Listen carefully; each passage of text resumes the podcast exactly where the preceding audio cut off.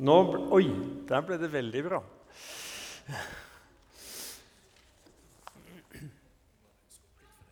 Ja, takk skal du ha, Ivar. Ja, jeg får eh, eh, ha noe som kan skape litt forventning hos dere små også. Jeg har, jeg har en tegning her som jeg skal vise fram eh, litt seinere. Så kan dere i hvert fall få se, se på no den. Men ellers så har jeg jo ikke tenkt spesielt på en sånn familietale her. Men eh, fortsatt god jul, alle sammen. Kjekt å se dere. Godt å være sammen eh, nå eh, sånn eh, mellom julaften og, og nyttårsaften. Vi skal eh, lese det som er eh, teksten for denne dagen. Det er tre innholdsrike vers i første kapittel i Johannes evangeliet, vers 16, 17 og 18. Men før vi leser det, så skal vi fortsette å be sammen. Ja, trofaste Far i himmelen, du vår skaper og Herre vår Gud. Vi takker deg for at du sendte din sønn til vår jord, for at vi skulle få se Hans herlighet full av nåde og sannhet. Takk at vi ved troen på Han har fått del i denne herlighet. Og nå ber jeg Jesus om at vi alle i dag må gå beriket hjem herifra etter å ha møtt deg igjen og fått del i denne herlighet. Amen. Der står det slik i Jesu navn.: For av Hans fylde har vi alle fått, og det nåde over nåde. For loven ble gitt ved Moses. Nåden og sannheten kom ved Jesus Kristus. Ingen har noensinne sett Gud. Den enbårne sønn, som er i Faderens favn, han har forklart ham. Jeg så ingen Gud. Det var budskapet som Gagarin kom tilbake til jorda med etter at han som det første mennesket hadde vært ute i verdensrommet og seilt rundt jorda langt, langt der oppe. Og Det er klart det er eh, en veldig naiv måte å føre et bevis på. For eh, det er mye som eh, er tilfellet uten at vi ser det med sansene våre sånn umiddelbart. Det blir vi jo stadig minnet om. Vitenskapen trenger stadig dypere inn i hemmeligheter både i makrokosmos, det store univers, og i mikrokosmos, det bitte lille atom. Men det er noen som, eh, som har en sånn enkel bevisførsel når det gjelder Gud. Når de ikke liksom kan se Gud, oppleve Han sånn som de bestiller Han til å være, ja, så, så finnes Han ikke. Men det er aldri slik at vi verken ved egne sanser eller ved hjelp av vitenskapelige apparater eller slik kan trenge inn i Guds verden for å se Gud. Det er ingen som har sett Gud, leste vi her. Ingen. Ikke noe menneske har sett Gud. Likevel er han til. For Gud han bor i et utilgjengelig lys, leser vi om i 1. Timotius brev 6. Han som bor i et lys dit ingen kan komme. Han som intet menneske har sett og heller ikke kan se. Slik er Gud tilslørt, utilgjengelig for oss mennesker, sånn umiddelbart fordi vi er syndere, og Gud han er hellig. Han bor i et lys, et hellighetslys, som vi ikke kan trenge inn i. Det er ikke noe menneske som kan se Gud og leve. Jo, men eh, sier du som kjenner din bibel du, Moses han så jo Gud ansikt til ansikt. Eller han talte med Gud ansikt til ansikt, står det i 2. Mosebok, kapittel 33, vers 11, hvis du vil slå etter sjøl. Jo, det gjorde han, og det er et uttrykk for at eh, Moses hadde et veldig personlig forhold til Gud. Han eh, kunne tale direkte til Gud, og Gud talte direkte til han. Men allikevel så skjedde det via åpenbaringsformer som det var mulig for eh, Moses å møte Gud. Men når det kom til stykket, da Moses satte som et ønske Gud, la meg få se deg ansikt til ansikt. La meg få se deg slik du virkelig er. For ansiktet vårt, det sier jo noe om personligheten. Enten vi liker det eller ikke, så gjør det det. Ansiktsuttrykkene eller Når vi smiler, så sier det noe om at vi er glad her inne, ikke sant? og motsatt. Hvis vi er trist inni oss, så viser det også på ansiktstrekkene våre. Så det å se Gud ansikt til ansikt, det er å se Gud inn i hans innerste vesen. Da Moses litt seinere i samme kapittel her i 2. Mosebok 33 eh, ba om å få se Gud slik, så, så sier Gud jeg vil la all min godhet gå forbi ditt åsyn, og jeg vil rope ut Herrens navn for ditt åsyn. For jeg vil være nådig mot den som jeg er nådig imot, og miskunne meg over den som jeg miskunner meg over. Du kan ikke se mitt åsyn, for intet menneske kan se meg og leve. Men hva gjorde Gud da? Han kom Moses i møte så godt som han kunne. Og Så leser vi videre om hvordan Gud altså ber Moses å sette seg. Han fant et passelig sted eh, i klippen i ei kløft der. Og så sa Gud, 'Jeg skal legge handa mi over ansiktet ditt til jeg har gått forbi.'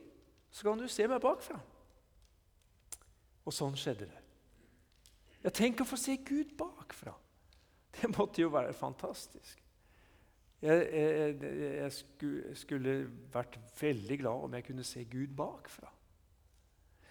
Men nå er det jo slik at eh, denne Gud som vi ønsker å se, han kan vi se. Ikke ved å fare opp i verdensrommet. Om vi så fart, for enda lenger enn Gagarin, helt til Mars, eller lenger enn det, om det var mulig Nei, det er ikke der han eh, har gjort seg synlig.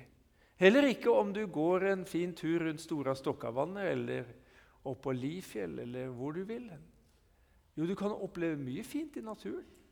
Du kan se Guds skaperverk, du kan undre deg over Guds storhet. Men Gud som en frelser møter du ikke der. Men han møter du her. Han møter du i Jesus Kristus, slik som Jesus, som ordet sier her, ingen har noensinne sett Gud, den enbårne Sønn, som er i Faderens favn. Han har forklart ham. Han har forklart ham. Den enbårne sønn. Ja, i mange av de eldste manuskriptene det, Dere kjenner sikkert til at Det, det nye testamentet det, det bygger jo på ulike manuskripter eh, som vi har tilgjengelig. Og eh, i noen av de eldste så står det faktisk 'den enbårne Gud som er i Faderens favn'. Så direkte ble det altså sagt at Jesus var Gud. Han var den enefødte Gud, som altså var født av Faderen ifra evighet av. Jesus er som Guds sønn, Guds enebarn. Han sitter i Faderens favn, eh, blir det sagt her. Og det er, eh, det er jo et veldig fint eh, bilde, et uttrykk, som vi kjenner oss godt igjen i, vi som er fedre og mødre for så vidt også. Det er jo det samme forholdet. Barna våre, ikke sant? når vi har dem i fanget vårt, da tar vi dem tett inntil oss. Det er et uttrykk for at det, vi, vi viser dem omsorg og kjærlighet. De er jo også vårt avkom. Nå fatter vi ikke dette med forholdet mellom Faderen og Sønnen. Det, for det er jo ikke slik at Faderen eksisterte først, og så Etter en viss tid så ble sønnen født, akkurat sånn som du og jeg er født av våre mødre. Men eh, det er som det står i en av bekjennelsesskriftene, det, det uttrykker et forhold mellom Faderen og Sønnen. At de er av samme vesen, at de, de har samme hensikt. Og det er en enhet og en fortrolighet mellom dem, slik at det virkelig kan sies Faderen og Sønnen og Ånden, de er ett. Samtidig er de tre personer Tre personer med hvert sitt jeg.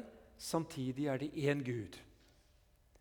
Hvordan skulle vi kunne bli kjent med denne Gud som vi gjennom syndefallet hadde gjort opprør imot og vendt oss bort ifra? Ja, om vi hadde strevd aldri så mye, så hadde vi ikke kunnet bli kjent med denne Gud som vår frelser, uten at han sjøl tok initiativet og kom til oss. Kom inn i vår verden, inn i din og min verden. Og så ble denne evige Guds sønn han ble din og min storebror, om vi kan si det slik. Han ble din og min storebror. Dere vet jo at eh, Jakobs brev i Bibelen det er skrevet av Jesu halvbror Jakob. Og Til å begynne med så trodde ikke Jesu brødre og søstre sikkert med de trodde ikke at eh, det var, det var tilfellet. De syntes det var så voldsomt dette med at eh, Jesus, deres storebror, at han var Guds sønn og Guds Messias. Så Til å begynne med så var de skeptiske til ham. Men etter hans død og hans oppstandelse så trodde også de på Jesus som Guds sønn, som Guds Messias. Og kan du tenke deg hvordan det måtte være for Jakob, da, blant annet? Og når han skulle be, så ba han til Jesus, som han hadde lekt sammen med i Nasaret, hjemme i Nasaret. Han ba til sin egen bror. Det er det du og jeg også skal få lov til. Å be til Han som har vært oss så nær at han har vært på denne jord, det er bare et, en tidsforskjell. Så kunne vi vært der samtidig med ham. Du vet, I tegneserier og drømmer, fantasiverdenen, så har de noen sånne tidsmaskiner. Det kunne vært spennende. ikke sant? Det er sånne ønsketenkninger som vi kunne ha. Tenk å vært samtidig med den eller den eller den. Ja, tenk å vært der samtidig med Jesus. Men nå er vi samtidig med Jesus her. For Jesus er her. Han har åpenbart Gud for oss, slik at det å se Jesus, det å høre Jesus tale til oss i dag, det er som å se Gud og å høre Gud. Vi trenger ikke lure på hvordan Gud er, for han er slik som Jesus er. Den som har sett meg, han har sett Faderen, sier Jesus. Helt, helt klart jeg og Faderen, vi er ett. Derfor blir det å se Jesus og det å tro på Jesus, det er det evige liv. det. Dette er det evige liv. At de kjenner deg, den eneste sanne Gud, og Han du utsendte, Jesus Kristus. Det er det evige liv. Det evige liv som vi mistet pga. syndefallet, det er nå tilgjengelig for oss mennesker i Guds sønn Jesus Kristus, vår storebror. Dette livet kan du få del i. Bare ved å høre om Jesus og ta imot i tro, så er dette livet ditt. Og hva det innebærer, det får vi høre mer om her. For denne nåde, eller denne herlighet, denne fylde som Jesus hadde i seg, den, den får du del i. Ja, det står det. For loven ble gitt ved Moses. Nåden og sannheten kom ved Jesus Kristus. loven. Den sto veldig sentralt for jødene. Og de var veldig stolte av å ha loven. Og Da, tenkes det nok her først og fremst på Moseloven, på, på Sinai-pakten, som representerer altså den gamle pakt. Ikke bare altså budene, men alt det som loven som pakt inneholdt. Og Der eh, var det altså mange bud, mange forskrifter, mange krav. Ja, det var det. Men det var ikke bare krav.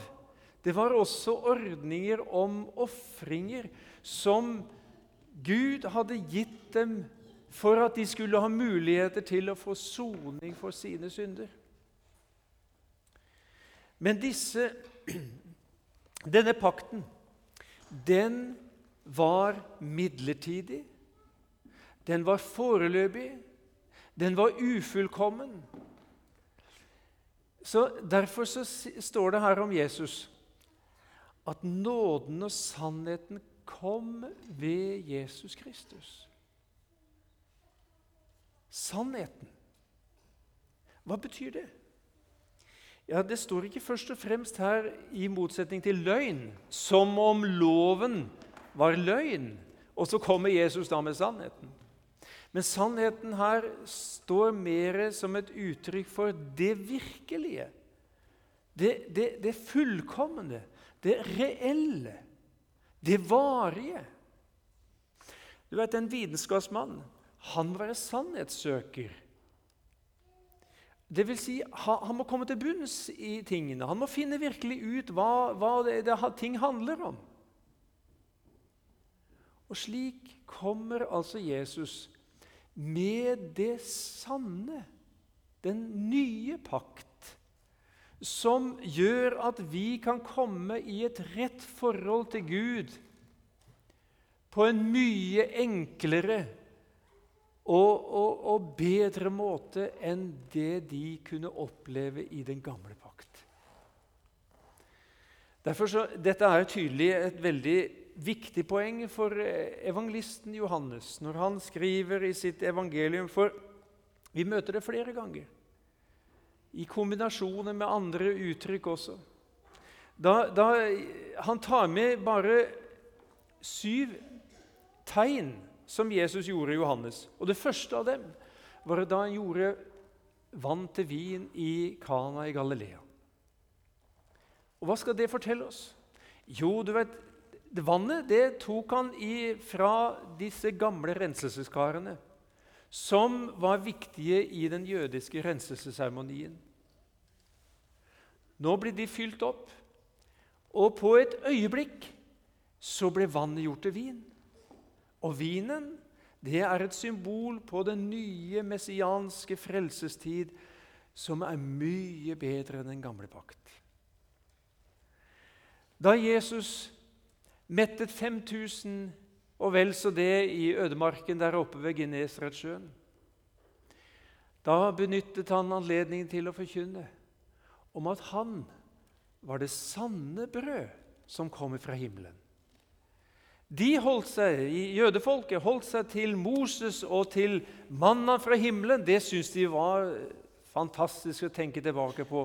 Hvordan de ble holdt i live ved manna fra himmelen. Manna betyr jo himmelbrød. Ja, sier Jesus. Det ikke, var ikke Moses som ga dere det sanne brød fra himmelen, men det sanne brød fra himmelen, det er det Gud som har gitt dere nå, for jeg er livets brød. Og den som tror på meg, han skal, han skal aldri noensinne verken hungre eller tørste. Jeg er det sanne brød som kom fra himmelen. Det virkelige. Og eh, For å ta et eksempel til. Jesus sier i Johannes 15.: Jeg er det sanne vintreet. Ja, det, det står ikke i motsetning til vanlig vintre, som det er mange av i Israel også i dag. Nei, men det står i motsetning til Israel, som har bl.a. vintre som sitt symbol, og som ikke klarte å oppfylle de forpliktelser som Gud hadde lagt på dem. Og så kommer Jesus og sier han, 'Dere har ikke båret den rette frukt, men jeg er det sanne vintreet.' Og hver den som er en grein på meg, han skal oppleve å bære den sanne frukt. Slik kom Jesus med sannheten. Han er selve sannheten. Og Derfor så når Jesus setter disse, eller når disse uttrykkene står sammen om Jesus her, at eh, nåden og sannheten kom med Jesus Kristus, så kan vi gjerne ha sagt det slik den sanne nåden kom ved Jesus Kristus. Det er en, en, veldig viktig forskjell her, legger du merke til, med uttrykksmåten. For eh, det står om Moses og loven at loven ble gitt ved Moses, står det. Men, og nåden og sannheten kom ved Jesus Kristus. Hva er forskjellen på det? Jo, Forskjellen er den at eh, loven den ble formidlet ved Moses. Ja, han var en mellommann, veldig sentral på den tid. Men eh, Moses døde. Loven fortsatte å ha sin virkning. Jo, men hvordan er det med nåden og sannheten? Den ble ikke gitt ved Jesus, som om den kunne eksistere uten Jesus. Nei, den kom ved Jesus Kristus. Og for det finnes ingen nåde uten i Jesus. Der er nåden tilgjengelig. Bare der. Det eksisterer en nåde for oss mennesker, men den eksisterer ikke hvor som helst. Den eksisterer bare i Jesus.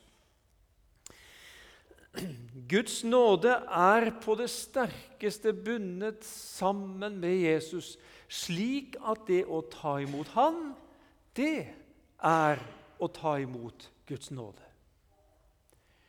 Og tar du imot Guds nåde, da blir du som i utgangspunktet var og er åndelig fattig. Du blir rik. For dere kjenner vår Herre Jesu Kristi nåde, står det i 2. Korinterbrev 8, vers 9. Dere kjenner vår Herre Jesu Kristi nåde at han for deres skyld, altså for vår skyld, for din skyld, ble fattig da han var rik, for at dere ved hans fattigdom skulle bli rike. Den som får Guds nåde, han blir virkelig rik. All annen rikdom det er for ingenting å regne. Selv det rikeste mennesket på denne jord, om det er Bill Gates eller hva han heter, får ingenting med seg når han dør. Men det fattigste mennesket på denne jord som tror på Jesus, han går med en evig rikdom ut fra denne jord inn i den fulle erfaring av hva denne rikdom innebærer. Denne nåden, den var tilgjengelig i og med Jesu komme. Da var det ikke lenger nødvendig å springe rundt og finne seg et offerdyr når en skjønte at en hadde syndet. Da kunne en vende seg til Jesus og tro på ham så fikk en alt det som han trengte for å bli godtatt hos Gud. Jeg syns eh, knapt det er noe bedre eksempel på det å bli frelst av nåde enn eh, en røveren på korset. Fra krybben til korset gikk veien for deg. Vi får ta en tur til Jesus på korset også nå i disse juletider. For der, der hang jo Jesus mellom to røvere. Den ene spottet. Den andre skjønte etter hvert at eh, Jesus det var noe spesielt med han. Det hadde kanskje modnet seg fram gjennom rettergangen. Antakeligvis hadde de vært til stede, disse røverne også, siden de ble korsfestet samtidig. Jeg hadde hørt noe av det Jesus sa om hans rike som ikke var av denne verden. Og, og Pilatus som tre ganger hadde sagt om han, 'Jeg finner ingen skyld hos dette mennesket.' Han er uskyldig. Likevel ble han dømt til døden på grunn av vår skyld. Og så sier denne røveren som hadde begynt å skjønne litt av hvem Jesus var Vi får det vi fortjener etter våre gjerninger, men han har ikke gjort noe galt. Og Det var jo det sanneste han kunne ha sagt om Jesus. Han har ikke gjort noe galt. Det vil si, han henger her uskyldig. Men samtidig så er det så sant det han sier om seg sjøl, og han sier det på vegne av oss.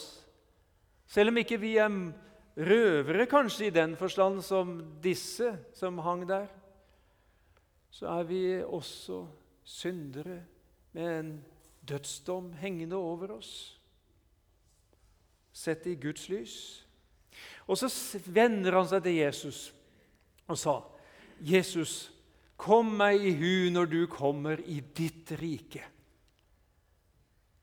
Han må ha skjønt at Jesus var Messias, som hadde et evig herlighetsrike foran seg. Og så så han for seg sin framtid som forferdelig, et forferdelig dommens sted. Og det ville være en trøst for han om Jesus bare ville tenke barmhjertig på han mens han var der i piner. Omtrent som vi kan snakke med hverandre eller til hverandre, også ikke-kristne mennesker kan jo gjøre det. Tenk på meg. Ja, tenk på meg. Og Når vi sier det oss imellom som kristne, så mener vi vel egentlig 'be for meg'. Men vi er litt beskjedne, kanskje. så Vi sier det ikke så direkte. Vi skulle gjerne sagt det mer direkte. Be for meg, for det er det vi mener. Men du, det ble mye mer enn en tanke ifra Jesus. For han fikk nåde der og da. Hadde ingen muligheter til å gå og gjøre ofringer og finne soning for sine synder i tempelet. Nei, det var for seint. Etter gammel ordning, men etter den nye ordning, så var det i rette tid. For Jesus sa Sannelig, sier deg. Og da taler Jesus om Gud når han sier det, med en guddommelig myndighet. I dag skal du være med meg i paradis.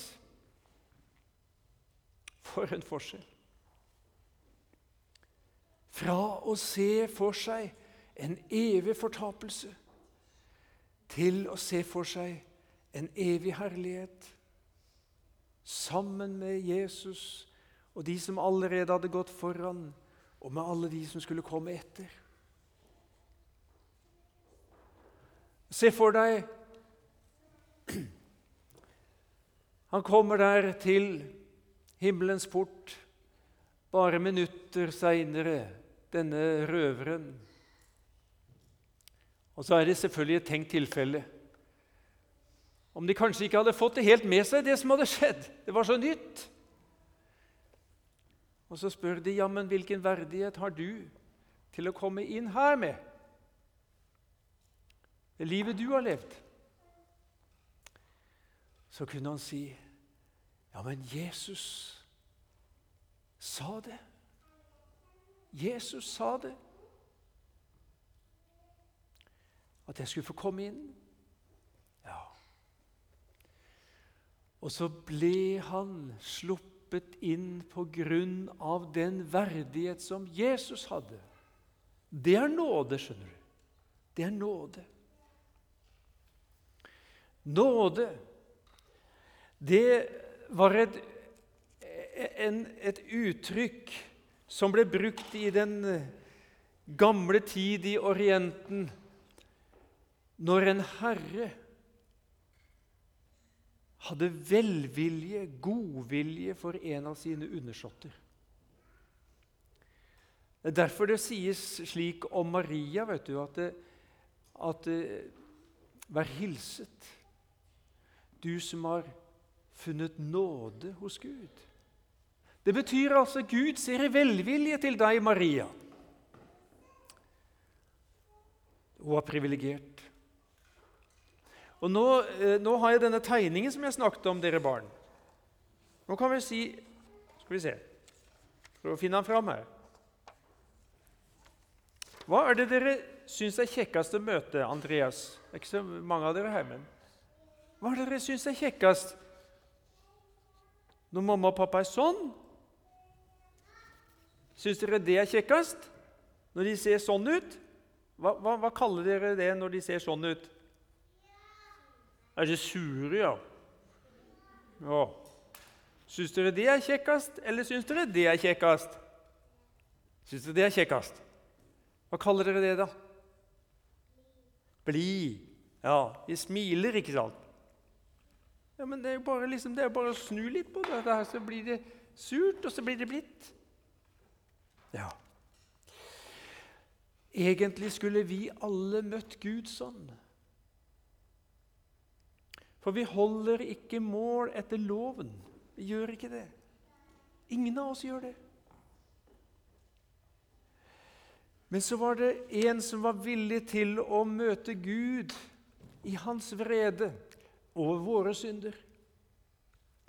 Og da kunne Gud for Jesus skyld se i nåde til oss. Han kunne møte oss med et smil. Det er nåde. Ufortjent nåde. Og dette Guds smil, denne Guds nåde, den ligger der klar for deg i Jesus. For han er full av nåde og sannhet. Det var den herlighet som han, den enbårne sønn, kom fra himmelen for å åpenbare for oss. Jesus kom ikke til jorden for å fortelle oss at dere er dømt. Alt håp er ute. Jeg kommer for å bare forberede dere på Snart er det evig fortapelse for dere. Nei, han kom ikke det. Han kom et nådens år. Og det var året der. Det har vart lenge. Det har vart i over 2000 år. Nådens år. Nådens tidsalder, hvor Gud kunne møte oss med sitt smil. Hver den som tar imot Jesus Kristus og tror på Han, får Guds nåde, kommer i et helt nytt forhold til Gud. Hvem er det som får det? Ja, den som ikke har gjerninger, står det. For du har muligheten til å satse på din egen prestasjon. Du har muligheter til det. Du har frihet til det. Men den veien går ikke fram, altså. Det er best å si det jo før, jo heller. For den som har gjerninger, får ikke lønnen av nåde, men som noe han har fortjent, står det i Romere 4. Så du har selvfølgelig friheten til å satse på dine gjerninger, men de holder ikke mål. Men så er det en annen vei, som er den virkelige veien, som Gud har åpnet for oss i Jesus. Og hør videre i Romer 4. Den derimot, som ikke har gjerninger, men tror på Ham som rettferdiggjør den ugudelige, han får sin tro tilregnet som rettferdighet. Det uttrykket 'den som tror på Ham som rettferdiggjør den ugudelige', det er et underlig uttrykk. For det er det, jeg kan si det med litt andre ord. Den som tror på ham som frikjenner den skyldige. Ja, Det er jo det det står. tror på ham som frikjenner den skyldige. Det skulle jo være umulig. Gud som er så rettferdig og så nøyeregnende, kan han frikjenne den skyldige? Ikke uten videre. Men det var fordi det var en som var uskyldig, som gikk i de skyldige sted. Og for hans skyld så kan Gud frikjenne deg som er skyldig. Men tror på Han som frikjenner den skyldige. Han blir ved troen tilregnet Jesu uskyld.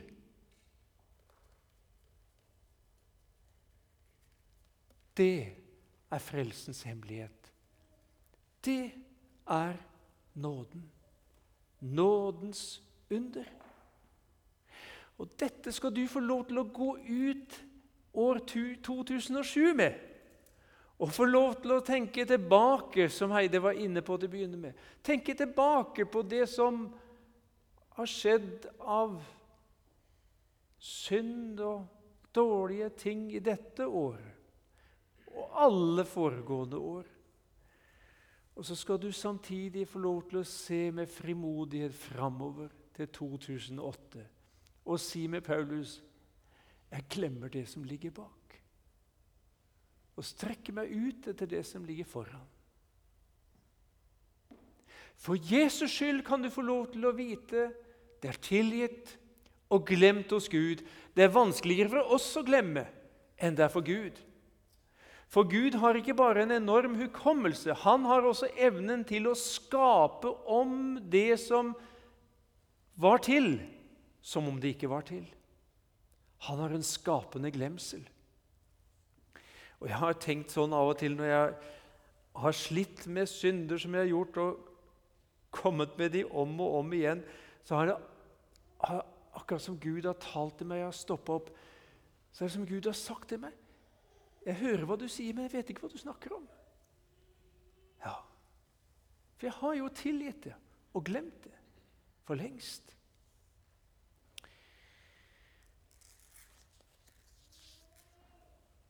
Nåden og sannheten kom ved Jesus Kristus. Hva sitter du igjen med? Du sitter igjen med Hans fylde. Det er et annet ord for Hans guddommelige herlighet. Og den har vi alle fått, alle som tror på Han. Det er menighetens vitnesbyrd som klinger fram her. For av Hans nåde har vi alle fått. Og det er nåde over nåde, står det. Det er vel ikke helt eh, god oversettelse. For det står 'nåde i, i stedet for nåde'. står det. Nåde i stedet for nåde. Så lenge du holder deg til Jesus, så er det som du får være ei strand som blir gjenstand for bølge etter bølge med nåde. Hvor du hver dag får lov til å eie visshet om eller i hvert fall få eie det i troen. Om ikke alltid vissheten er det, så får du eie det i troen. At det er nåden som gjelder overfor meg, nei, mellom meg og Gud. Nåde i stedet for nåde. Da kan du være frimodig og glad med tanke på året som ligger foran, og med tanke på at du en gang skal ut av dette livet, om det så skulle bli i året som kommer, så skal du få lov til å vite det. Du eier Hans herlighet, Hans guddomsfylde. For Jesus har sagt, 'Den herlighet som du har gitt meg, har jeg gitt dem'. Da har du grunn til å være glad og frimodig, både med tanke på det som ligger bak, og det som ligger foran. Har du sett Gud her i dag? Uten å ha vært oppe i verdensrommet, uten å ha vært hvor som helst ellers. Men du har vært der Jesus har kommet oss i møte gjennom sitt ord.